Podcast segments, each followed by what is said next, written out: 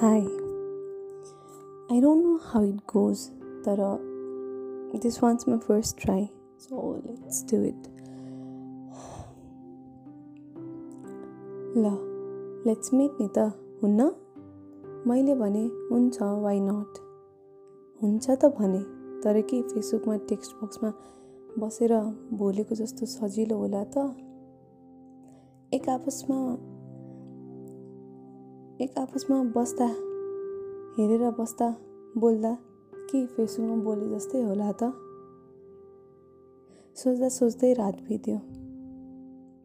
एउटा खुसी र उत्साहको तरङ्ग त थियो मनमा तर सँगसँगै एउटा डरको चिसोपन पनि थियो।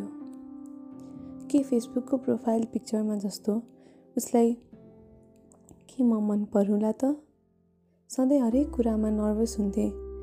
झन् उसँग भेट्ने भनेपछि त झन् मुटुले नै ठाउँ छाड्ला जस्तो भयो। हामी बिच सायदै केही कुरा कमन थियो होला। खालि एउटा कुरा थियो कि हाम्रो सोसाइटी कल्चर र भ्याल्युज एउटै थियो। घरमा पूजा गर्ने देउता भगवान्देखि आफूभित्रको आस्था एउटै थियो। यही आस्था र यही विश्वासले नै मलाई उसम्म पुर्यायो। ठ्याक्क साढे एघार बज्यो। उसले भन्यो बत्तिस पुतलीमा भेटौँ न। म त्यहीँ आउँछु भन्यो। म हतारिँदै टेम्पो चढेँ मैती देवीबाट मनले छिटो छिटो भन्दै थियो तर दिमागमा टेम्पो कति छिटो लगेको होला अलि बिस्तारै लग्यो हुन्थ्यो जस्तो भइथ्यो। पुगेँ एकछिन कुर्न पनि पर्यो तर केही लागेन एकछिन कुर्नलाई।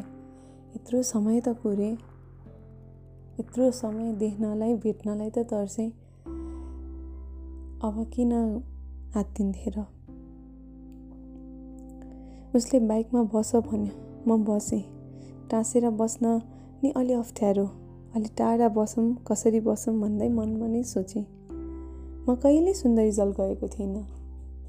मलाई कहिले त्यो ठाउँ कस्तो होला भनेर मैले कल्पनामा पनि सोचेको थिइनँ। मैले उसलाई सोधिरहेको थिएँ हामी कता जान लागेको? तर उसले भन्यो छ एउटा ठाउँ जाऊँ न। पुगेपछि थाहा पाइहालिन्छ नि भन्यो। गयौँ हिँड्नु पर्ने रहेछ अलि अलिकति हामी हिँड्यौँ पनि हिँड्दा हिँड्दै कुराहरू पनि भयो। त्यहाँ नजिकै एउटा पुल थियो उसले फोटो पनि खिच्यो। लाजले भुतुक्क भयो कि म मनमा नै त्यो पनि देखाउन सकिनँ। के सोध्छ होला के भन्ठान्छ होला भन्ने त्यो एउटा त्यो एउटा फिलिङले नै मैले सबै कुरा भुलिदिएँ। उसले फोटो खिचिरहेको थियो म जता जता उभिँदै ऊ त्यता फोटो खिच्थ्यो। मैले उसको खिचेँ उसले मेरो खिच्यो। पहिलो भेटको पहिले भेटको तस्बिर र यादहरूलाई उसले फोनमा जम्मा गर्यो।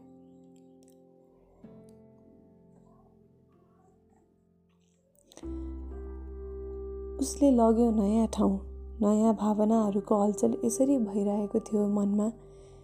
मानव मनभित्र ज्वालामुठी नै फुट्छ होला।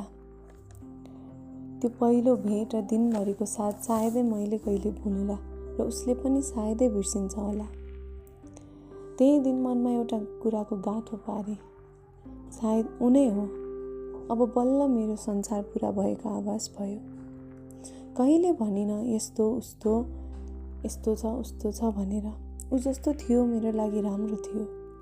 जीवनको यो समयको अन्तरालपछि यति चाहिँ भन्छु कि सायदै सुख होस् या दुःख होस् चाहे हाँसो होस् या खुसी होस् मेरा हत्केला साना नै किन नहुन्? तिम्रो आँसु पुस्न सधैँ थापिएका हुन्छन्। तिम्रो सुखलाई बाँट्न सधैँ अघि हुनेछन्। यो अन्जुली तिम्रा लागि कहिल्यै खाली हुने छैन